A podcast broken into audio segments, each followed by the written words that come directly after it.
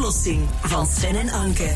Elke maandag gaan we in onze rubriek De Oplossing van Sven en Anke op zoek naar het antwoord op een vraag die uit het leven gegrepen is. Het is ook een podcast. Je kan die allemaal opnieuw beluisteren. We hebben onlangs hier bij ons bij DPG Media, dat stond onderwerp van vandaag, een enquête moeten invullen over een veilige werkomgeving. En dat is goed dat onze werkgever daar wil voor zorgen voor iedereen. Het waren veertien vragen over discriminatie en welzijn op de werkvloer. Maar één van die vragen, daar dachten wij bij, oei, dat is, oei, als het daar zo tussen staat in dat rijtje, wordt er gesuggereerd dat het niet oké is, terwijl het ging over seksuele mopjes, zo grapjes die gemaakt worden. Aangebrande mopjes. Soms over, ja, en soms ook over elkaar, hè? Zo met, met, eh, met een eh, vette, vuile knipoog af en in toe. ons team, in ons radio-ochtendteam, we zijn met vier, doen we niks anders. Wij Ja, leven niks een anders. beetje... Dat vind ik, ik, eh, over, dat vind ik een beetje overdreven. we doen het wel elke we dag. doen het af en toe wel, ja. We ik doen wil, het wel ik wil nu even moeder Teresa zijn, maar we doen het wel. Het gebeurt. Zeker. Elke dag? En je ziet er zelf in ons team geen probleem in, maar we hebben het gevoel dat dat toch enorm aan het evolueren is. Ja, mag het eigenlijk nog ja of nee? Sowieso in ons team.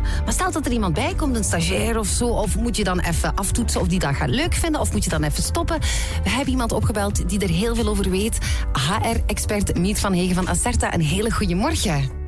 Goedemorgen. Ja, eh, ja, ik val meteen met de deur naar huis. Mogen wij die seksueel getinte mopjes nog maken bij ons in ons team? Onder ons vier, als er algemene consensus is. Dat is al vraag één. Ja, dus ehm, humor, dat is altijd een dunne grens. Hè. Humor is altijd wel positief ervaren op de werkvloer en kan enorm verbindend werken op de werkvloer. Maar vanaf dat er een seksuele connotatie eh, bij hoort, of misschien eh, als grensoverschrijdend kan ervaren worden, dan, dan is het vooral belangrijk om, om als graadmeter te gebruiken hoe, ken je, eh, hoe goed ken je collega's, hoe ken je die persoon. en is er sprake van bijvoorbeeld een gezagsrelatie, want tussen collega's is er al een andere relatie dan tussen bijvoorbeeld een, leidinggevende en een medewerker. Dus ehm, het is super subjectief. Hè. Woorden zijn subjectief en iedereen heeft ook recht om te eh, melden dat iets ja, onintimiderend of ongemakkelijk of grensoverschrijdend eh, ervaren wordt. Dus vooral eh, goed de, de, de graadmeter of de, of de temperatuur toetsen tussen de collega's. En bij twijfel vooral, ja, dan doe je het beter niet. Hè. Als je toch een misplaatste grap hebt gemaakt en je voelt dat de, de collega daar toch niet zo goed op reageert, dan stop je beter, erken je fout en bied je beter je verontschuldigingen aan. Oké, maar ik hoor toch, ik lees dus eigenlijk eh, tussen de regels door dat je zegt: als jullie in het team het leuk vinden, mogen jullie dat blijven doen. In principe wel, maar dat is natuurlijk een moeilijke discussie, want eh, het is niet enkel je team, het is ook een, als dat algemeen eh, aanvaard wordt binnen een team, dat kan dan natuurlijk een, een sfeer creëren die verder gaat dan louter het team en bijvoorbeeld door andere collega's ook als storend of grensoverschrijdend kan beschouwd worden. Hè? Want eigenlijk is het, als men spreekt over ongewenst seksueel gedrag, dan moet dat niet per definitie gericht zijn tot een persoon. Hè? Het kan ook tot uiting komen in de omgeving waar iemand werkt. oké, dat dat vind ik een goede. Daar wil ik een vraag over stellen. Want wij zitten inderdaad hier met eh, ja, open bureaus. Iedereen zit hier samen. je, kan, je kan je dus misschien wel voorstellen dat wij zo van die moppen met elkaar aan het maken zijn.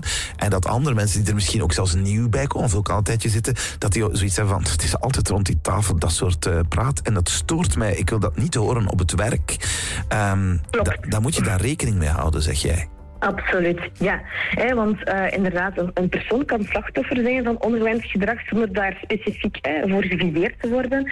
Eh, en dan spreekt men eigenlijk van een, een omgeving die een sterke seksuele connotatie heeft. En dus eigenlijk ook de persoon in kwestie, eh, ook al zou die niet tot de, de, de, gesprekken behoren of als, als geviseerde bedoeld zijn, kan dat als, als een kwetsende omgeving beschouwd worden. En dan is het toch belangrijk om, om ja, toch ver te blijven van, van aangebrande moppen of moppen die een, eh, een effect kunnen hebben op, op eh, medewerkers. Ja, Ik, ik, ik snap wat je wilt zeggen. Ik ook. Ehm, maar eh, in ons geval, er zijn maar ja. heel veel collega's, zeg maar, ik bedoel ook zo na ons, de collega's na ons, de DJ's na ons, die, die houden ook wel van, zo van die mopjes. Mhm. Stel nu dat er zo ene zure P is op de werkvloer, die eigenlijk beslist van, Maar jij noemt die nu al zure P. ja, ik vind dat een beetje zure Maar er P. kan bijvoorbeeld iemand zijn, maar ik, ik probeer even mee te redeneren. Het kan iemand zijn die, zonder dat wij het weten, Iets van alles heeft meegemaakt van alles heeft meegemaakt. Ja, of ja. buiten, buiten deze werkvloer met een enorm trauma loopt. Ja. En dat dan altijd hier moeten horen, kan misschien Ja, ik, ik weet het, maar dan zou ik het liever willen weten, want tot dan denk ik zure P. Ja. Dat is erg om te zeggen, maar ik bedoel, want die gaat dat dan niet willen zeggen waarschijnlijk. Maar ik bedoel, het komt hier ook binnen. Hè. Heel veel mensen sturen man, man, man. Moet er van elke werkvloer een, een klooster gemaakt worden, omdat dan ene collega het daar moeilijk mee zou hebben. Ik snap dat wel, want dan ga je eigenlijk de toffe groepsfeer, dan gaat iedereen op eieren moeten lopen om één iemand maar niet tegen de borst te stoten. Maar ja, Ah, moeilijk. wacht, sorry Miet, want jij moet antwoorden. Maar je zou kunnen zeggen, maar moet een toffe groepsfeer per se seksuele mopjes hebben? Maar gewoon het Nee, gevoel dat je vrijuit kunt zelf zijn. Miet, wat, ja, zij, zij- dat is ook wat jij denkt, hè? Ja, het is een moeilijke discussie, hè, want zoals ik al zei, humor is enorm belangrijk op heel veel werkvloeren. Dat is ook dat mensen met eh, een stressvolle omgeving of stressvol werk kunnen omgaan. Eh, en het is zeker niet de bedoeling dat humor eh, volledig moet verdwijnen op de werkvloer, absoluut niet.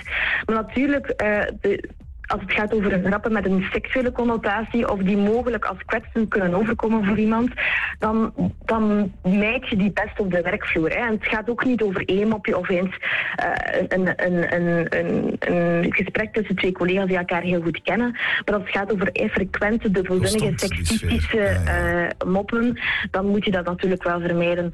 En het is vooral een graadmeter. Ja, hoe ken ik iemand? Wat is de algemene sfeer? Maar ook heel belangrijk op organisatieniveau om daar toch misschien ergens eh, afspraken rond te maken, eh, eventueel een gedragscode. Eh, en iemand die zich eventueel niet comfortabel voelt bij bepaalde, eh, ja, een bepaalde sfeer op het werk, moet dat ook kunnen melden. en vandaar dat, dat, het eigenlijk vooral belangrijk is om, om het gesprek te voeren op, op organisatieniveau. Eh, en ook bepaalde afspraken maken van wat kan en wat niet kan. En eh, dat kan eventueel in eh, aanwezigheid van een vertrouwenspersoon of iemand die eh, expertise heeft daarover. Oké, oké, ik vind het een goed antwoord. Ik vind het, en, en je legt het ook exact uit. Ja, je bent super professioneel. Je legt het ook exact uit zoals het moet. Ik had ook geen ander antwoord verwacht, eigenlijk. maar alles in mij zegt toch. mm, Zo van. mm, Ja, ik denk dat. Ja. ah, ik denk, alles in mij zegt toch. Als één iemand er een beetje moeilijk mee zou hebben. Kom, eh, allee, soms vind ik dat we naar een te individualistische maatschappij evolueren. Dat ik denk van, moet ook een beetje aan de groep denken. Snap je? Ja, dat is mijn mening. Dat snap ik volledig. Het is ook niet omdat iemand een opmerking maakt of een klacht indient, dat daar ook per definitie eh, een, een, eh, een, een verwijdering moet komen over dat, hoe dat de sfeer verloopt op de werkvloer. Hè. Dat wordt ook geanalyseerd en wordt gekeken wat is nu grensoverschrijdend, eh, waar, hoe ver kunnen we gaan en op basis van ja, dat gesprek of die, die analyse kan dan inderdaad ge- gekomen worden tot een bepaalde ja, afspraken op de werkvloer. Dat hoeft niet allemaal formeel te zijn, kan ook informeel zijn. Eh, een gedragscode bijvoorbeeld of gewoon het feit dat bepaalde zaken eh, bespreekbaar worden op Zo. de werkvloer. Niet zomaar vanuit gaan dat iedereen die sfeer zo interessant vindt. En zeker bij nieuwe mensen eh, extra voorzichtig zijn.